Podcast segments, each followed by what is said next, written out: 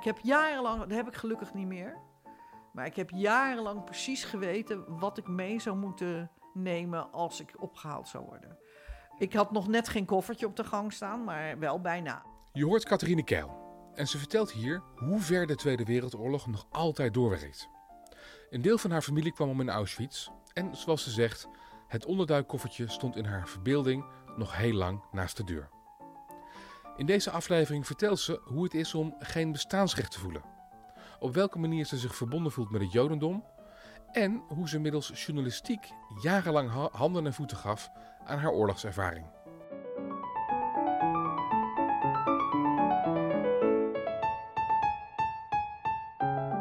Je luistert naar Podcast Ui. De plek waar we schilverschillend leven afpellen en met de snippers van die ui het hele leven op smaak brengen. Mijn naam is Basti Barancini en in elke aflevering praat ik met iemand die naar de hel ging, maar ook weer terugkwam met prachtige levenslessen.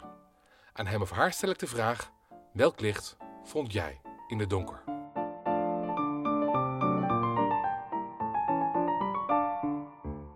Goed, Catharine Keil dus. Ze schreef een boek genaamd Oorlogsvader, waarin ze op zoek gaat naar het oorlogsverleden van haar vader. En daarmee eigenlijk ook naar het van zichzelf. Want die oorlog werkte nog wel even door. Na de oorlog. Katrien, hartelijk welkom. Dankjewel. Je bent uh, de dochter van een ter dood veroordeelde. Ja, dat klopt. Hoe bizar is dat, hè? hoe, hoe bizar is dat? Uh, nou ja, eigenlijk pas is dat een paar maanden bizar. Want ik ben er eigenlijk pas uh, sinds kort achter gekomen. Um, ik was dus bezig met het boek over mijn vader te schrijven. En in de tussentijd opende het Oranje Hotel, wat dus eigenlijk helemaal geen hotel was, maar een gevangenis voor verzetstrijders in Scheveningen. En um, nou, dat opende voor publiek. Dus toen dacht ik, was ik op een gegeven moment in Den Haag. Toen dacht ik, oh, nou laat ik daar eens even gaan kijken. Dus ik loop, uh, ja, het is eigenlijk gewoon een museum, dat loop ik in. En uh, ik zei tegen die vrouw bij de kassa van, uh, kan je hier ook uitzoeken wie heeft gezeten en zo? Hebben jullie daar lijsten van of zoiets? Ja, zei ze, dan kan je in die computer daar en daar kijken.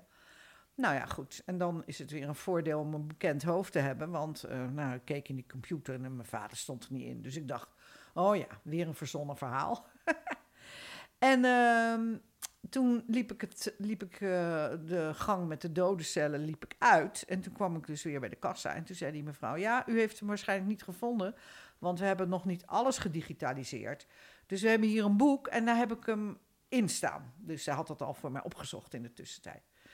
Ze zegt, is hij dat? En nou, daar stond dus de naam van mijn vader met de goede geboortedatum. En daar stond dus achter, ter dood veroordeeld. Wat gebeurt er dan met je? Is er een rilling op je rug? Ja, het, ik dacht, hoe kan dit? En, waar, en waarvoor? Misschien ook wel. Nou, ja, daar had ik wel een vermoeden van. Namelijk? Want hij heeft op een gegeven moment een Duitse officier neergeknald. En ik denk niet dat de Duitsers dat hem erg in dank afnamen. Maar wat die man allemaal gedaan heeft in de oorlog dat is zo bijzonder en speciaal. Uh, en dat heb je dus nooit geweten. Want heb ik allemaal nooit geweten. Omdat hij er nooit over verteld heeft. Omdat hij er niet over wilde vertellen. Dat hoor je dus ook van, van kinderen, van mensen die in een jappenkamp hebben gezeten. Dat is heel grappig. En door, met dit boek was ik dus nogal vaak in studio's en zo. En de afloop kwamen er altijd mensen naar me toe die zeiden... ja, mijn grootmoeder of mijn grootvader heeft in een jappenkamp gezeten. Die willen er ook nooit over praten. Maar ik ga het nu toch eens aan ze vragen. En dan zei ik, ja, dat moet je zeker doen. Want als ze eenmaal dood zijn, dan kan het niet meer. Op het moment dat hij ter, ter dood veroordeeld was... Uh, dat uiteindelijk, dat vonden ze niet voltrokken... Dat betekent dat jij daar eigenlijk niet had mogen zijn. Ja, nou ja, sterker nog, ik was ook nog een moedje. Dus ik mag er twee keer niet, niet zijn. En uh, ja, dat is, dat is natuurlijk wel... Nou, zou iedereen wel weten wat een moedje is? Nou, moedje is dus dat, als je, dat, dat mensen moeten trouwen als, uh, als ja, een vrouw in verwachting is. Nou, ja. Ik, ja, ik weet niet, tegenwoordig is dat toch helemaal niet meer, maar goed. Hoe kwam, hoe kwam je erachter dat je van Joodse komaf bent? Nou, dat is een heel verhaal. Eigenlijk werd er niet over gepraat bij mij thuis. Mijn moeder was van oorsprong katholiek en die is door allerlei nare ervaringen met de katholieke kerk protestant geworden. Ja, en, maar pff, er werd eigenlijk niet over geloof gepraat bij ons thuis. Dat deed helemaal niet de zaken. Totdat ik op een gegeven moment... Mijn vader had een hele grote boekenkast. Hij kocht elke zaterdag kocht hij boeken. En uh, ja, toen was ik een jaar of acht. En toen dacht ik, toch eens kijken wat er allemaal in die boeken staat. Ja, als kind al ongelooflijk nieuwsgierig. Nooit overgegaan. En... Uh, nou ja, dan, dan, dan, ik vond wel eens een boek met seks of zo. Heel spannend. Maar ik vond ook een boek, en dat zag er heel anders uit dan andere boeken. Dat, ehm, ja, dat had een soort leren kaft. En van hele flinterdunne bladzijden van binnen. En dat, dat boek dat sloeg ik open en toen stond er... eh, dit boek is van eh Eliasa Keil. Nou, op- Even eh, voor de, voor de goede orde. Het boek was het Nieuwe Testament. Of het Oude Testament. Testament. Ja, ja, Ja, ja. En in dat boek stond, dit boek is van... van Eliasa Keil. Nou, dat was alleen al raar, want mijn vader werd door iedereen Ed genoemd. Dus ik dacht, hm, wat is dit? En toen stond er zoon van. En toen kwamen dus de namen van mijn grootouders. Eh, en eh, nou ja, en toen stond daar dus achter waar ze geboren waren en wanneer. En bij overleden stond vermoord. Met pen geschreven of met stift of met... ja, eh, met, ja, Een, met, een, met, een, met een grove pen, ja. waar veel pijn in zat. Waar dus duidelijk veel niet, pijn in Dus zat. niet overleden, maar vermoord. Ja. Ja. In mijn beleving toen, van kind van acht, werd je alleen vermoord als je in de criminaliteit zat of zo. Hè? Of als je iets heel ergs had gedaan. Of, eh, nou ja, dat soort dingen. Dus ik dacht, wat hebben die mensen dan gedaan? Dus ik wachtte een goed moment af. En toen vroeg ik aan mijn vader, pap, ik heb gezien in dat boek dat, dat jouw vader en moeder zijn vermoord. Waarom is dat? Toen, ze- toen zei hij, ja, daar heb ik nou geen zin om over te praten. Ik zei, nee, maar wat is er dan gebeurd? Wat hebben ze dan gedaan? Ja, hadden ze maar wat gedaan, zei hij. Ik zeg, hoe bedoel je, hadden ze maar wat gedaan? Ja, ze zijn naar de trein gegaan en ik heb nog zo gezegd dat ze dat niet moesten doen. Ik zei, ja, maar wat is er dan daarna gebeurd? En zei nou, ik wil daar gewoon niet over praten, zoek het uit. Nou ja, en toen dacht ik, nou, dan ga ik het maar aan mijn moeder vragen. En toen zei mijn moeder dus, nou ja, kindje, grootouders waren Joods. En eh, dat vonden ze niet zo leuk in de oorlog. Dus die mensen die moesten zich melden. En eh, dan gingen ze naar de trein en dan, eh, ja, dan werden ze vergast. De manier waarop je vader reageert is al heel veelzeggend. Je hebt een boek geschreven en dat boek heet Oorlogsvader. Dat impliceert dat je niet een gewone vader had, net als veel anderen, maar dat jouw vader op een andere manier in elkaar stak, namelijk ehm, getekend door de oorlog. Was dat zo? Ja, Was daar een dagelijks iets? Of, of... maar dat is natuurlijk het rare, want kijk, ik heb in, de boek, in dat boek dus een paar scènes beschreven van wat er ooit gebeurd is. Maar dat zijn misschien drie scènes in twintig jaar, weet je wel. Dus eigenlijk hadden we het nooit over de oorlog. En als ik bijvoorbeeld, het, het was dan Dat is nog iets anders. Je had het er nooit over, maar leefde het wel onder de oppervlakte, onderhuids? Ja, want bijvoorbeeld, ehm, nou ja, dan dacht ik, oh, ik ga een hele goede indruk bij mijn vader maken. En dan vertelde ik dat er Duitsers waren en die hadden de weg gevraagd, weet je wel. En dan had ik ze de verkeerde kant uitgewezen. En dat vond ik zo leuk. En eh, nou, dat deden alle kinderen toen. En dat vertelde ik aan tafel. En toen zei mijn vader, ik wil dat je dat nooit meer doet. En ik dacht juist een hele goede indruk op hem te maken. En toen zei ik, hoezo niet dan? Die, Duitsers waren toch fout? En toen zei hij, nee, want toen ik in 1943 in Sachsenhausen kwam, in het concentratiekamp, toen zaten daar al Duitsers vanaf 1936. Hè, bijvoorbeeld die Wijze Rozen, dat was dus zo'n verzetsgroep in Duitsland, die zaten daar allemaal. Dus hij zei, je mag nooit Duitsers over één kam scheren. Nou, dat was wel een goede les. Wat heeft je vader meegemaakt in de oorlog? Heb je even? Ehm, nou, hij was dus ehm, eigenlijk Joods. Hij had ook bar mitzvah gedaan. Ik geloof niet dat ze heel erg eh, religieus waren bij hem thuis, maar meer traditioneel. En hij had zelf helemaal niks met godsdienst. Hij was eigenlijk, zei hij tegen mij, een anarchist. Wat inhoudt dat je je dus niet met niks eh, wat georganiseerd is bezighoudt. En zeker niet met, met geloof. Ook geen socialisme of communisme? Eh, op het randje, denk Ja. ik, zoiets. Ja. En ehm, dus voor hem was dat Jodendom eigenlijk ballast. En nou, dus toen de oorlog uitbrak, hij was, hij was politiek heel actief. Eh, toen was hem al wel duidelijk dat wat er in Duitsland gebeurde met de Joden, dat dat in Nederland ook zou gaan gebeuren. Hoewel dat in het begin helemaal niet zo leek, hè? Want ja, die Duitsers kwamen hier, maar die Joden werden allemaal met rust gelaten in 1940. Pas in 1942 is dat begonnen. En toen zeiden zijn, werden zijn ouders dus opgeroepen om naar de trein te gaan. En toen zeiden ze dus tegen hem, nou ja, dan gaan we gewoon een beetje werken. Dat maakt toch niet uit? En toen zei mijn vader, nou, maar je komt niet meer terug. En dat vonden ze echt belachelijk. Dat kon niet waar wezen. Maar wat hij dus deed, was ehm, een vals persoonsbewijs aanvragen, zodat hij op zijn persoonsbewijs niet Joods was. En hij ging in het verzet. Ehm, hij moest weg uit Den Haag, want daar wist natuurlijk iedereen dat hij Joods was. De hele buurt wist dat natuurlijk. En hij ging naar het oosten van het land. Ja, dit zijn allemaal dingen die vertel ik je nu. En die weet ik pas een paar maanden. Hè? En dan ging hij naar het oosten van het land. Daar werd hij eh, lid van Fiat Libertas. Dat was een hele bekende eh, bewapende verzetsgroep. En op een gegeven moment was daar een vergadering. En een van die mensen van die groep was gepakt die middag. En die had in zijn zak het adres waar de vergadering zou worden gehouden. En nou, ze waren net aan het vergaderen en toen vielen de Duitsers binnen. En die uh, knalden meteen twee of drie mensen neer. En namen anderen mee uh, om gevangen te nemen.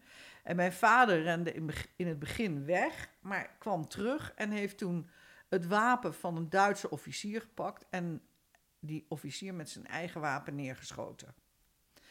Nou, zoals je al begrijpt, werd dat niet erg op prijs gesteld. Dus nou, kon, hij kon maar één ding doen en dat is daar wegvluchten. Dus hij is teruggegaan uh, naar Den Haag, waar hij overigens uh, uh, weer gewoon het verzet in ging. Ook zoiets absurds, weet je wel. Dat je dan blijkbaar zo bezeten bent dat je dan toch nog weer Vrij Nederland gaat verspreiden. Hoe mesjoggen kan je zijn, maar goed. Um, en toen hij dus met Vrij Nederland in de trein zat, met een stapel Vrij Nederland is hij gepakt bij een razzia. En toen gingen ze hem verhoren. En op zijn valse persoonsbewijs was hij getrouwd. En hij kon met geen mogelijkheid meer op de naam van die vrouw komen. En uiteindelijk is hij dan in het Oranje Hotel terechtgekomen. Waar hij anderhalve maand Einzelhaft heeft gekregen. Wat betekent dat je nul contact hebt met de buitenwereld. Puur in het donker zit. Geen idee of het dag of nacht is. Um, de enige manier waarop hij kon communiceren met zijn medegevangenen was via de verwarmingsbuizen. Nou, toen is hij dus daar eindeloos verhoord, maar op zijn valse naam. En wat ik nu zeg, weet ik niet zeker of het gebeurd is, maar ik heb ontdekt dat hij onder twee valse namen heeft uh, gewerkt in het verzet. En ik denk dus dat hij op de ene naam is gevangen genomen en dat hij toen de andere naam heeft bedacht om zichzelf eruit te lullen. En dat is dus blijkbaar gelukt. Hoe hij dat gedaan heeft, het is mij een raadsel. Want hij stond dus daar als ter dood veroordeelde. Maar hij is uiteindelijk na zes weken is hij naar Vught vervoerd. En uh, daar zat hij gewoon in een uh, strafkamp. Uiteindelijk kwam hij terecht in een concentratiekamp. In, in Sachsenhausen. In Sachsenhausen. Ja, dus waar die Duitsers ook al zaten. Daar heeft hij anderhalf jaar doorgebracht. Ja. En daar moest hij ook werken voor Is de hij daar gebroken? Als mens? Ik geloof dat hij uiteindelijk niet gebroken is. Hij is nooit gebroken. Maar hij heeft daar verschrikkelijk nare dingen meegemaakt. Ja, ik ben uh, jaren later ben ik met, uh, met iemand er naartoe gegaan. En hij vertelde altijd dat er elke dag iemand werd opgehangen in het kamp. Toen dacht ik, wat is dat nou voor onzin? Weet en jaren later, toen was je zelf al ruim en breed volwassen, zeg maar. Ja, ja, ja zeker, ja. zeker. Hij vertelde dat er elke dag iemand werd, op, werd opgehangen? Ja. En dat, dat was ook zo. Toen ik in dat kamp was, heb ik dat met eigen ogen gezien. Er stond op een krankzinnig groot plein, wat minimaal vier keer zo groot is als de Dam stond een galg in het midden met daaronder een bordje. Hier werd elke dag iemand opgehangen om een voorbeeld te stellen. Hoe is het om rond te lopen in hetzelfde concentratiekamp als waar je vader anderhalf jaar gezeten heeft? Ja, de, ik, je trekt meteen met je gezicht. Ja, ja, het is, het is, het is, het is heel raar, want um, ik raar denk dat vind ik nog een understatement. Ja, maar ik denk dat ik hetzelfde soort mechanisme heb als mijn vader. Uh, namelijk dat je als het ware uit jezelf kunt treden en het niet echt meemaakt. Om de pijn niet te hoeven voelen? Om de pijn niet te hoeven voelen. Ja, want als, kijk, als ik dat toelaat, dan trek ik het natuurlijk niet. Goed, je vader komt terug naar Nederland. Hij trouwt met eh, je moeder. Dat, Ja. was, dat was een moedje, want jij eh, diende je aan. Ja, Ja? Eh, en dan ben ik ook benieuwd naar hoe dan ehm, een leven zich ontwikkelt. Je vader werd niet heel hartelijk welkom geheten in Nederland. nee. Om to say the least, ja. Ja, ehm, hoe, hoe ontwikkelde dat gezin zich? En dan is het misschien aardig om een stukje uit het boek voor te lezen. Want je beschrijft een situatie eh, van hoe verjaardagen er bij jou aan toe gingen. Ja, vroeger. nou niet elke verjaardag. Nee. Dat is natuurlijk weer het nadeel van zo'n boek. Ja. Maar dit, dit, dit gebeurde wel eens. Nou, ik zal, het, eh, ik zal het voorlezen. Weken kon ik uitkijken naar dat ene gebakje, want veel anders om je op te verheugen was er niet. Wat hadden we in de jaren 50 eigenlijk een super saai leven. Als iedereen bediend was en ik het speciale gebaksvorkje te gebruiken alleen bij verjaardagen in de mokka wilde zetten, zei mijn vader: Ja, dat ging in het kamp wel anders. Het kamp. In godsnaam niet. Niet vandaag. Niet net nu ik aan de mokka begin. Niet nu er bezoek is. Please, alsjeblieft geen kamp. Maar mijn vader ging onverdroten voort. Allereerst hadden we weken niet te eten. Ik had geluk. Ik had beschimmeld brood in mijn broekzak gefrommeld. De anderen voelden zich daar te goed voor. En toen we na de dunne soep helemaal niets meer kregen, had ik gelukkig dat brood nog. Groen, je zou het een hond nog niet voeren, maar ik at het. Dat kun je wel geloven. Later hoorde ik dat er in die groene schimmel penicilline zat. Dus wie weet heeft me dat uiteindelijk gered. Nou, en dan had je ook van die stommerikken die zelfs in het kamp nog gingen bidden voor het eten. Je snapt het al. Dat eten was gewoon weg als ze hun ogen open deden. Hoe ver gaan mensen voor hun godsdienst? Onbegrijpelijk. Als je dit soort dingen gaat benoemen op een verjaardag waar alle buren bij zijn en familieleden, dan kun je bijna niet zeggen dat de oorlog aan, onder de oppervlakte lag. Dan speelde het een, eh, eh, een fikse rol in het gezin. Ja, maar als er geen bezoek was, hadden we het er nooit over. Dus blijkbaar had hij, had hij ongelooflijk de behoefte om, om duidelijk te maken hoe verschrikkelijk het voor hem was geweest. Stond er eigenlijk de hele tijd een hele grote onzichtbare Duitser in de kamer? Of viel dat mee? Ah, volgens mij viel dat wel mee. Hij deed juist heel erg zijn best, denk ik, om eh, zijn kinderen een zo eh, eh, probleemloos mogelijk jeugd te geven. Maar ja, dat, ja, in sommige gevallen eindigde dat dan toch ook wel weer raar. Ja. Ik krijg de indruk uit het boek, ik heb het goed gelezen, dat je eigenlijk die eerste 18 jaar van je leven, toen je thuis woonde, om de hoogspanning hebt Ja, geleefd. ja, absoluut. Ik zal ook nooit zeggen dat ik een leuke jeugd heb gehad. Nee. Waar bestond de hoogspanning uit? Nou ja, uit het feit dat mijn vader en ik eh, behoorlijk hetzelfde soort karakter hadden. Dus de pot verwijt de ketel. Dus, maar dus niet zozeer om het trauma van je vader heen leven. Oh, mijn trauma van mijn vader. Hoe bedoel je dat? Nou ja, of, of, of om je vader heen leven. Om, om hem niet boos te maken, om hem niet te Ja, ja, zeker. Oh, zeker. Ja, dat deden we altijd. Ja, ja. Ja, want, want die boosheid was angstaanjagend. Hè?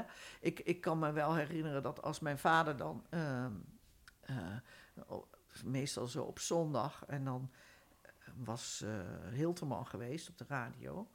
En dan maakte da- deed hij daarna een dutje. En dan ging hij dus lang uitzitten. Maar we hadden een heel kleine kamer en daar zaten we met z'n vijven in.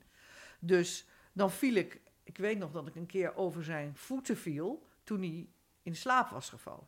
Nou, je wil niet weten wat Dat er klinkt, gebeurde. als, dat klinkt als een man die, die vrij strak gespannen stond. Ja, die, die, die knapte uit elkaar. Hij was ook veel aan het lezen. Dat was een Ja. belezen man. Er werd bij jullie thuis überhaupt veel gelezen. Ja, Eh, was hij zich aan het voorbereiden op de vorige oorlog of op de volgende? Nou ja, ik denk dat toen hij die anderhalf jaar in dat kamp heeft gezeten, dat er natuurlijk allerlei dingen zijn gebeurd in die oorlog die hem totaal ontgaan zijn. Want ja, er was natuurlijk geen social media, geen radio, geen tv, niks. Dus hij had geen idee wat er eigenlijk in de wereld gebeurde. En dat, ja, dat was voor hem eigenlijk onverdraaglijk. Dus Dat, maar hij las ook over de oorlog. ja, hij las juist over de oorlog. Ik denk om die anderhalf jaar in te halen. Snap je? Dus hij wilde gewoon weten wat er in die tijd gebeurd was. Elk gezin heeft ook een, ehm, een leidmotief, een, een, eh, een boodschap die verkondigd wordt van de oudere generatie op de, op, op de jongeren. In gezinnen waar eh, eh, het Jood zijn een, ro- een rol speelt, wil dat nog wel eens zijn, je moet onzichtbaar zijn of je moet nuttig zijn. Ja, Welke boodschap werd jou verteld? nou, het moest wel heel nuttig zijn natuurlijk. Ja? Met als gevolg dat als je dan, eh nou maar, laat maar zeggen, niet meer dagelijks op tv bent, dat dan je wereld in elkaar stort natuurlijk. Dus eh, Moest het bestaansrecht elke dag weer veroverd worden? ja, ja, zeker. Ook als kind. Ja. Je had niet een natuurlijk geboorterecht. Nee. nee, nee, nee, nee. Ik mocht er immers helemaal niet zijn. Dus ik moest wel bewijzen dat ik, eh, dat ik recht van leven had, zeg maar. Was er liefde? Ja, heel veel van mijn moeder. Die heeft, die, wa- dat was echt een ontzettende lieve, lieve vrouw. En ik heb het er later, godzijdank, met haar over gehad toen ik dus in therapie was. Toen heb ik wel eens aan haar gevraagd: Mam, was het nou echt zo dat papa zo verschrikkelijk tegen mij was? En toen zei ze: Kind, ik heb heel vaak gedacht: jij trekt dat niet. Want hij was zo keihard tegen je. Tegen mijn zusje niet, hè? Mijn zusje die speelde toch eigenlijk een beetje het, het lieve vrouwtje. Ja, dat lukt mij niet. Dus, ehm, en toen ook niet, snap je? Ja, dat lukt me wel eens, maar in hele andere omstandigheden. Maar goed. Ehm, ik ben ook benieuwd naar welk effect het op jou heeft gehad. Als mens. Heeft het afdrukken in jou achtergelaten? Ja, ja, tuurlijk. Ja. Ja, ik bedoel, als je als kind van, eh, van zes met je vader eh, denkt gezellig op vakantie te gaan. En het blijkt dat hij eh, je gewoon een eh, training geeft om je weerbaar te maken mocht je gevangen worden genomen en in een concentratiekamp terecht te komen, gaat komen. Ja, als je, als je als vader zoiets doet, ik begrijp het nu omdat ik denk, hij was natuurlijk maar voor één ding bang: dat zijn kinderen hetzelfde zou overkomen als Dat hem. ze nog een keer zouden komen. Dat ze nog een keer zouden komen. En ehm, Welke indruk heeft het op je achtergelaten? Welke diepe imprint in jouw persoonlijkheid, in jouw ziel? een moeilijke vraag is Ben, dit. ben je angstig geworden? Nee, helemaal niet. Nee? Integendeel. Nee, anders had ik nooit als verslaggever al die jaren kunnen werken. Nee, ik heb veel meer iets. Wel, maar ik weet niet, heeft hij mij dat nou geleerd? Of heb ik dat nou. Ja, wat dat betreft heb ik wel veel van hem weg. Ik ben gewoon nergens bang voor. Snap je? Ik heb echt dingen gedaan als verslaggever dat ik nu denk van... Mijn god, hoe durfde je dat? Weet je wel? Maar ik was gewoon voor niks bang. Je vader kwam getraumatiseerd eh, uit de oorlog terug. Eh, kan ik zeggen dat, je, dat jij getraumatiseerd uit je jeugd kwam? Nou, ik denk het eigenlijk wel, ja. Ik denk eigenlijk wel. Ja, omdat ik natuurlijk toch het gevoel had van... eh, je mag er eigenlijk niet zijn. Je voldoet nooit aan zijn extreem hoge eisen. Ja, en... Tekort, en tekort aan gezien worden? Tekort aan liefde misschien wel? nou ja, ik denk dat mijn moeder toch wel heel veel eh, liefde heeft. gaf, hoor. Maar ja, voor een meisje is een vader natuurlijk wel erg belangrijk. Als eerste man in je leven waar als je je aan eerste man in je leven, ja. En als die zulke keiharde eisen stelt, ja, dat is gewoon lastig. Je schrijft ook in je boek, en dat, eh, dan wil ik je vragen om eh, nog een fragment voor te lezen. Ehm, waarin, je waarin je schrijft dat er eigenlijk een, een, een, een sluier over je leven hangt. Nog steeds. Maar nu ik achteraf alles op de keper beschouw, denk ik toch dat ik nooit echt blij, echt uitbundig heb kunnen zijn. Omdat alles wat onze familie was overkomen als een grote grijze wolk boven me hing. Onze familie, al die mensen die ik had kunnen kennen, maar die ik nooit gekend had. Die nooit op mijn verjaardag waren geweest en voor mij hadden gezongen, maar die zwijgend, onzichtbaar, vermoord en wel, toch steeds van zich lieten horen. Via mijn vader, via het kamp. Ze waren allemaal dood. Hun schaduw hing als een grauw sluier over mijn leven heen en zij beletten mij echt te genieten. Dat is heftig. Ja, Als er al die jaren een grauwsluier over je lichaam, over je leven hangt. ja. En je wordt er nog altijd verdrietig van. Ja, ik, ik, het, het gaat gelukkig nu beter. Daar Ehm, heb je toch een behoorlijke weg voor afgelegd? Ja. Maar ik weet nog dat eh, met vijf uur show hadden we natuurlijk enorme successen. En eh, dat de producent tegen me zei... geniet nou eens een keer van je succes. Je had, je had twee keer zoveel kijkers relatief als Oprah. Ja, Ja. toch kon je er niet van genieten. nee. Nee, want ik dacht, ik moet het volhouden en het moet goed blijven en ik moet doorgaan en weet ik veel. Ja, We hebben het over eh, de oorlog en hoe die via je vader doorwerkt ook in jou. ja, Je wordt journalist, eerst als verslaggever, waar je de hele wereld rondreist en echt eh, zwaar journalistieke reportages maakt. En later een aantal talkshows presenteert. Op welke manier geef je eh, dat alles wat je hebt meegekregen, op welke manier werkt dat door in jouw werk als journalist?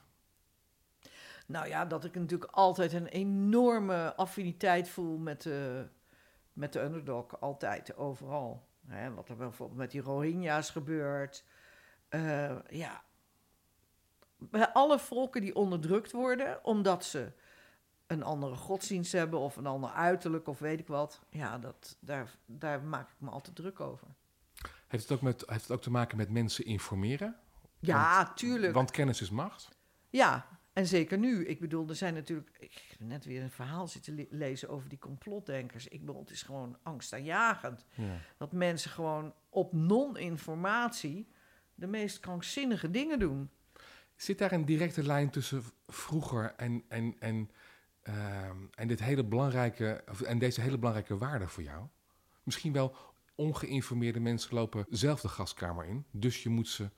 Ja, dat, dat is de directe lijn, ja.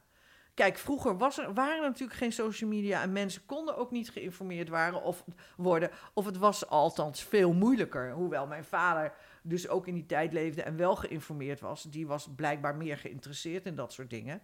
Maar als je dus niet daar eh, dag en nacht mee bezig was, zoals hij... nou, dan dacht je, ach, het valt wel mee, weet je wel. Het kan toch niet waar zijn dat je met een trein naar een kamp wordt vervoerd... en dat je daarna wordt vergast? Kom op, wie gelooft dat nou? Ja, dan kan ik me voorstellen dat je dat denkt. Je bent een van de eerste eh, vrouwen, eh, ook op de Nederlandse televisie, eh, die echt een personality waren. Hè? Een talkshow met je eigen naam notabene. Volgens mij hadden we dat nog, nog niet eerder meegemaakt. Nou, Sonja, Sonja. Oké, Sonja. Zijn Ja. Ehm, je, je, be- je bent niet het slagfeminist van de Dolomina's, Nee, helemaal niet. maar heeft jouw werk en ook de aandacht voor eh, vrouwen eh, en vrouwelijke onderwerpen, heeft dat ook, eh, is daar ook een link? Ja, natuurlijk, want kijk, Maar ik weet het niet, dus ik Ja. vraag het gewoon. ja, nee, dat is een hele goede vraag ook. Nee, want ehm, dat is ook iets wat heel veel mensen vergeten. Hè? Ehm, vrouwen zijn pas de laatste 50, 60 jaar in opkomst. Er is dus een tijd geweest, dat, dat was nog in de 60er jaren, dat als je als vrouw bij het onderwijs ging werken en je ging trouwen, ja, dan eh, moest je ontslag nemen. Nee, sterker nog, je werd ontslagen. ontslag, ja. En je had bijvoorbeeld geen recht om een eigen bankrekening te openen. Kijk, dat zijn allemaal dingen die wij gemakshalve vergeten. Heb je daarvoor gestreden? Ook door jezelf te zijn? Eh, ja, maar niet op een Dolomine-achtige manier, maar wel elke keer als er iets gebeurde in zo'n redactie. Kijk, daarom kwetste mij ook zo dat toen ik dan als eerste vrouwelijke verslaggever bij Hier en Nu kwam werken en de eerste redactievergadering was daar een oude man, Nico Heisenberg. Die zei tegen me, ik ben zo blij dat er nou een vrouw bij de redactie is, want dan kan er eindelijk door iemand koffie gehaald worden. Dat vond ik dus een typisch voorbeeld van enorme vernedering. Alsof ik niks anders dan koffie halen kon. ben je die koffie gaan halen? Natuurlijk nooit. Nee. Nooit? Nee, nooit. Je hebt, nooit. Nee, je hebt nooit koffie gehaald. nee. Nee, dat is dan, dan wordt dan een principe, begrijp je? Je bent een vaderjood. Lekker woord, hè? Ja, Ik vind het een afschuwelijk woord. ik ook. Wat betekent het? Wie Laten, dat we, bedacht heeft. laten we daarmee beginnen. Wat betekent het? Nou, dat betekent dat je vader Joods is. En jij dus niet. Nee, want, Want? volgens de, halag, de halagische wetten van de Joden zijn alleen mensen die uit een moeder worden geboren Joods. En terecht natuurlijk, want je weet nooit wat die mannen allemaal uitspoken. Dus of die vrouwen, hoe je het zien wil. Uit onderzoek blijkt dat eh, Joden, moederjoden dus eigenlijk, eh, meer verbonden zijn met sociaal-culturele aspecten van het Jodendom. En religiositeit daar eh, al dan niet bij. Terwijl vaderjoden veel meer verbonden zijn met oorlog en antisemitisme. Echt waar? Ja, Waar heb je dat vandaan? ik doe mijn research. Herken je dit? Nou ja, het gaat voor mij in elk geval wel op. Maar ik weet niet of het ook voor andere uh, vaderen... Nou, dat weet ik dus wel. Maar op, Ja. op, op welke manier gaat het voor jou op? Nou ja, dat, dat, ja, dat, dat, dat onrecht van gediscrimineerd worden omdat je Joods bent, dat, dat is natuurlijk toch een, een, een enorme draad door mijn leven. En dat weegt zwaarder dus dan misschien wel de mooie en positieve kanten van het Jodendom. Eh, nee, want eh, ik heb ook jarenlang voor het NIK, het Nederlands-Israëlitisch Kerkgenootschap, heb ik radio gemaakt. En heb ik ook geleerd dat, ehm, dat Jodendom heel mooi is en dat het hele mooie tradities heeft. Eet je kosher? Nee, joh, ik ben helemaal niet religieus. Joodse kinderliedjes? Nee, weet ik Joodse van. feestdagen? Nee, nee. Dit, niet op die manier. Nee. Nee. Welke manier wel? Nou, wat ik je zeg, dat je je verbonden voelt met mensen die gediscrimineerd worden om dingen waar ze niks aan kunnen doen. Kijk, Je als bent, jij. Maar je bent dus verbonden met de pijn. Eh, ja. ja, dat is het eigenlijk, ja. Ja. En met welke mooie aspecten? Nou, met, met die tradities en met. eh, want eh, ik bedoel, ze, het Jodendom is natuurlijk zoveel ouder dan christendom. En als je ziet hoe ze omgaan met, gaan met dood en hoe ze omgaan met, met, met leven. Ja, dat is, dat is gewoon heel mooi. Daar is over nagedacht, zou ik maar zeggen. ja, al, al een paar eeuwen. Ja, Eh, mijn vader kwam uit Italië, dus ik ben, eh, ik ben een, een vader-Italiaan. ja. En ik ben... Je houdt van ijs, begrijp ik. Zeker, ook dat. Ehm, en ik heb heel veel landen bezocht, ook in die, in die Middellandse zeeregio. Eh, Spanje, Portugal, Frankrijk, Griekenland. En ik loop daar dan rond en dan denk ik, ja, ja, dat kan. Ja, Je hebt er niks mee. Het is mooi, het is lekker weer, prima eten verder, maar ik, ik kan me daar niet mee verbinden. Eh, Italië wel. En een paar jaar geleden was ik eh, voor een vakantie in Assisi. En ik dwaalde een beetje door het stadje heen en ik raakte af van de hoofdweg. En eh, in een van die kleine straatjes had je een zebrapad. Eh, van de ene kant van de stoet naar de andere kant. En aan beide kanten van de zebrapad was een Mariabeeld ingemetseld in de muur. En het allereerste wat ik super intuïtief dacht was: zo doen wij dat.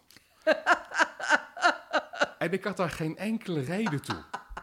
Heb jij dit ook? Als je je begeeft in eh, Joodse plekken of in Joodse gemeenschappen, dat je denkt dat je een, een gevoel van thuiskomen ervaart. Dat je denkt, ja, zo, zo zijn wij.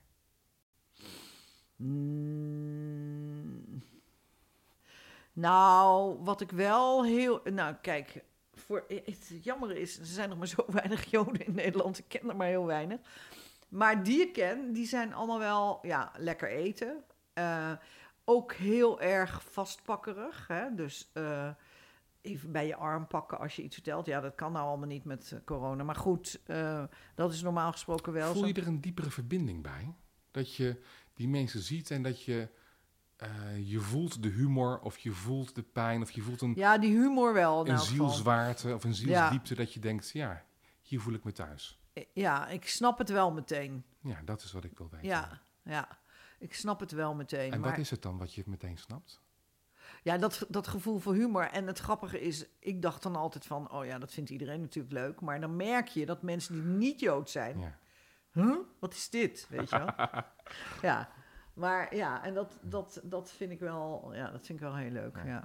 Als vader Jood zijnde, eh, om dan toch nog maar Ja, dat, dat na- nare woord, nog een keer te gebruiken. Word jij gedefinieerd door wat je niet bent of door wat je wel bent? Dit vind ik een echt heel moeilijke vraag. Hoe bedoel je die nou? Nou, je, ehm, je zou kunnen zeggen, je wordt gedefinieerd door voor een deel wel Jood zijn, maar ook voor een deel het, het juist niet officieel zijn. Er wordt ook over jouw soort mensen, over vaderjoden gezegd, wel de lusten, niet de lasten. Huh? Nou, wat zijn die lusten dan? Sorry, andersom. Oh, ik wil Ja. zeggen. Wel ja. de lasten, niet de lusten. Dus wel de pijn en niet eh, eh, toegang hebben tot eh, het Joodse volk. Ja, maar dat, is, dat moet ik dan toch even. eh, nee, dat is niet zo. Want ik heb dus nu. Ik ga lezingen geven over het leven van mijn vader op lagere scholen. En dat is een, een Joodse organisatie. Die heet www.nadeoorlog.nl. En, en die organiseren dat. En daar worden ze dus woest als ik zeg dat ik niet Joods ben. Want voor hun ben ik Joods. Snap je? Ben je voor jezelf Joods? Nee. Want, waar zit het verschil? Nou, ik, kijk, ik vind mezelf Joods als ik in de Joodse traditie ben opgevoed en ehm, ehm, ja, daar gewoon veel van af weet. Dus jou dat weet ik allemaal niet. Ja, dus bij jou ligt het meer in het wel of niet doorgeven van culturele aspecten Ja. dan eh, je vaderlijn of je moederlijn. Ja, precies. Ja. Ja. Ronit Palash, Ja. hij heeft een eh, mooi boek geschreven, of eigenlijk wel meerdere, over de Joodse gemeenschap. Ja. Zij sch- schrijft dat de oorlog nog steeds diep, diep doorwerkt in de Joodse gemeenschap. En zij zegt dat er nog altijd, elke dag, onuitgesproken een actuele vraag is: bij wie kan ik onderduiken? Ja, zeker. Die is er altijd. Ik zal ook nooit vergeten dat, eh, dat ik ergens op een feestje was en dan kwam ik Bram Moskowitz tegen, die ik verder niet zo goed ken. En toen zaten we op een gegeven moment, eh, nou ja, raakten in een of ander diep gesprek terecht. En, eh, en toen zei hij op een gegeven moment tegen mij, bij jou kan ik onderduiken. En toen dacht ik, ja, dat is wel ongeveer het grootste compliment wat je kunt krijgen. Dus, en dat raakte me dus enorm. Eh, dus ja, in die zin, Herken je die vraag bij jezelf ook? ja, ja. Ik heb jarenlang, dat heb ik gelukkig niet meer, maar ik heb jarenlang precies geweten wat ik mee zou moeten nemen als ik opgehaald zou worden. Wat zou je meenemen? Nou, dat weet ik nou niet meer precies, want ik heb het, ik heb het, dat heb ik dan allemaal verwerkt en dat is voorbij. Maar ik had nog net geen koffertje op de gang staan, maar wel bijna, zeg maar. en dan noem je jezelf geen Jood. Nee, maar eh, het gaat er ook niet om wat ik mezelf noem. Het gaat erom wat mijn omgeving vindt. Toch pijnlijk. Ja, heel pijnlijk, ja. In dat opzicht eh, is, het ook pijnlijk, is het ook pijnlijk om te benoemen dat het eh, ook met antisemitisme gewoon de verkeerde kant op gaat. we, Ja, hebben net, zeker. we hebben net Tweede Kamerverkiezingen gehad. Ja, En een partij die notabene open, openlijk flirt met antisemitisme, eh, wint Ja. gewoon zetels. Gaat dat ook over jou? Nou ja, in die zin dat zij dus discrimineren op iets waar je niks aan kan doen. Als je zegt, alle zwarte mensen deugen niet. Ja, dat kan ook niet, weet je wel. Dus iemand die zwart is, die kan het niet helpen. Discrimineer dan, discrimineer dan op mensen die oranje kleding dragen. Bijvoorbeeld, Ja. Of, eh, ja, want dat hebben ze dan tenminste zelf gedaan, weet je wel. Maar als jij zwart bent, of als jij Joods bent, of als jij, eh, weet ik veel, Drents bent... en je gaat iemand daarop discrimineren, ja, dat, of op leeftijd, ook zoiets... of op vrouw zijn, dat kun je allemaal niet veranderen. Dus dat- Heb je dit, eh, eh, kun je hier nog boos op worden op jouw leeftijd? ja hoor. Want je hebt ook bijvoorbeeld eh, mensen als Jean-Marie Le Pen geïnterviewd. Ja, ja. Ja. Ja, nou. Ja, ik blijf altijd een optimist. Ik denk altijd, nou, wie weet. Interview ik hem op zo'n manier dat hij tot andere inzichten komt. Nou, dat is dan in dat geval niet gelukt. Maar Nee, want je verliet met slaande deuren de ruimte. ja. Ja. ja, maar. ehm, ja, nee, ja. Weet je, ik vind gewoon. Dat gaat dus niet per se de goede kant op. Nee, Nee. zeker niet. Nee. Ehm, in jouw jeugd was eh, bestaansrecht een thema. En je moest jezelf bewijzen, nuttig maken. Hoe is dat nu? Nou, dat, dat is dus eigenlijk het eh, positieve van het verhaal. Ehm, ik geloof dat ik nu eindelijk zover ben eh, dat ik op een andere manier van het leven kan genieten. Maar echt genieten. En dat ik elke dag mijn zegeningen tel. En elke dag dankbaar ben voor dingen. Weet je, ik ben ook dankbaar dat jij hier bent. Ehm, nou ja, zo. Komt dit... nee, niet helemaal zo. Komt dit je aanwaaien met de jaren? Of Nee, ik heb er keihard voor moeten werken. ja, en wat heb je daarvoor gedaan? Nou, ik heb, Is dat gewoon twintig jaar in therapie? Of nou, is dat... gewoon 20 jaar Nee, ja, vind ik nee, ja. wat. Ja, nee, maar hoe, nee, maar hoe wel doe je 10 dat? jaar. Ja, Eh. Maar hoe- En, eh, en gewoon keihard knokken. Want ik merk, kijk, maar keihard knokken, dat is dit. Dat is nog meer geweld, nog meer... nee, nee, nee. het, gaat er Psychisch mij, knok. het gaat er volgens mij om, om te verzachten. Ja, maar daarvoor moet je eerst keihard vechten. Tegen wat? Tegen jezelf. Tegen welke delen in jezelf? Nou, kijk, daarvoor ben ik dan weer mijn laatste partner enorm dankbaar. Ik zal je wat vertellen. Als, als ik met iemand een afspraak heb en eh, die iemand belt af, dan denk ik, zie je wel, ze houden niet van mij. Nou, dat is natuurlijk een absurde gedachte. Zo moet je niet denken. Mhm. En dat heeft hij me geleerd. En sinds ik me daar dus echt van bewust ben, kan ik er tegen vechten. Dus dan moet ik tegen mezelf zeggen: nee, niet in je oude patroon vervallen. Niet denken dat ze je niet mogen. Niet denken dat ze een hekel aan je hebben. Die mensen hebben gewoon even wat anders te doen en daarom kan de afspraak niet doorgaan. Moest je iets aanleren of iets afleren om van jezelf te kunnen houden? Nou, veel afleren, ja. Het, eh, het, het feit dat je denkt, ja, wie zit er nou op mij te wachten? Wie, wie houdt er nou eigenlijk van mij? Waarom ben ik hier eigenlijk? Wat doet het allemaal ter zake? Ik vind dat nog steeds ehm, raar, zonder welke vorm van oordeel dan ook, raar om te horen uit de mond van iemand eh, die, die in dit land alleen maar een voornaam nodig heeft eh, om herkend te worden. Ja, maar toch, kijk, het is niet zo dat, en dat is ook zo jammer dat heel veel jonge mensen dat denken, dat als je dan eenmaal zogenaamd beroemd bent, dat dan al je problemen zijn opgelost. Nee, de problemen die je al hebt, die worden alleen maar erger, want je wordt er eenzamer door. En eh, het is geen balsem voor je ziel. Helemaal niet. Je ziel raak je zelfs kwijt als het een beetje tegen zit. Kijk maar naar iemand als Marilyn Monroe. Was toch de, de beroemdste vrouw van de wereld, zeg maar. Ja, die kon dat gewoon helemaal niet aan. Verdwijnt de eenzaamheid nu langzaam? Ja, eindelijk wel, ja. Ja, maar daar moet- ik nog elke dag keihard aan trekken, hoor. Ik heb een- bijvoorbeeld een vriendje, nou... En dan ha- had ik een hartstikke gezellige tijd mee. Nou, dan belt hij drie dagen niet. Dan denk ik, oh god, die houdt niet meer van mij. Dit is uit, dit is... eh, of uit, weet ik veel. Nou ja, in elk geval... Je begrijpt wat ik Hij loopt een andere kant op, ja. Ja. Ben je uiteindelijk rondgekomen met je vader? Met je, oorlog, Ja, met je oorlogsvader? Ja, zeker, zeker. Ja, godzijdank. Ik bedoel, omdat ik natuurlijk zoveel programma's maakte over dat soort dingen, waaruit dan weer bleek dat als je dus niet met je ouders dingen afrondt, dat je daar de rest van je leven last van hebt. Dus toen ik eenmaal in Groningen zat en daar studeerde, toen had ik zoveel meer afstand van hem. En toen kon ik ook, eh, kon ik ook met meer afstand naar hem kijken. En, eh, en hij heeft die laatste jaren van zijn leven echt zijn best gedaan om te laten merken dat hij trots op me was. En mm, ja, dus. En we hebben ook hele leuke gesprekken gehad en zo. Maar het ging nooit over de oorlog, nooit. Maar, maar wel dat het allemaal relaxter was. En, eh, en ik ook niet meer bang voor hem was en zo. En eh, Hield hij van je? Ja, dat denk ik wel. Dat weet ik ook wel zeker hoor. Want eh, zijn buurvrouw was een van zijn goede vriendinnen. En die zei tegen me, zo, hij was zo trots op je. Maar goed, als je dat niet aan iemand laat merken, dan weet hij dat ook niet. Hè? Dus dat is ook een les. Eh, al die mensen die gek zijn op anderen en dat nooit vertellen, dat moet ook eens afgelopen wezen. Zeg het, lieve luisteraars. Ja, precies. Genoeg lessen vandaag. Katrine Kel, dankjewel.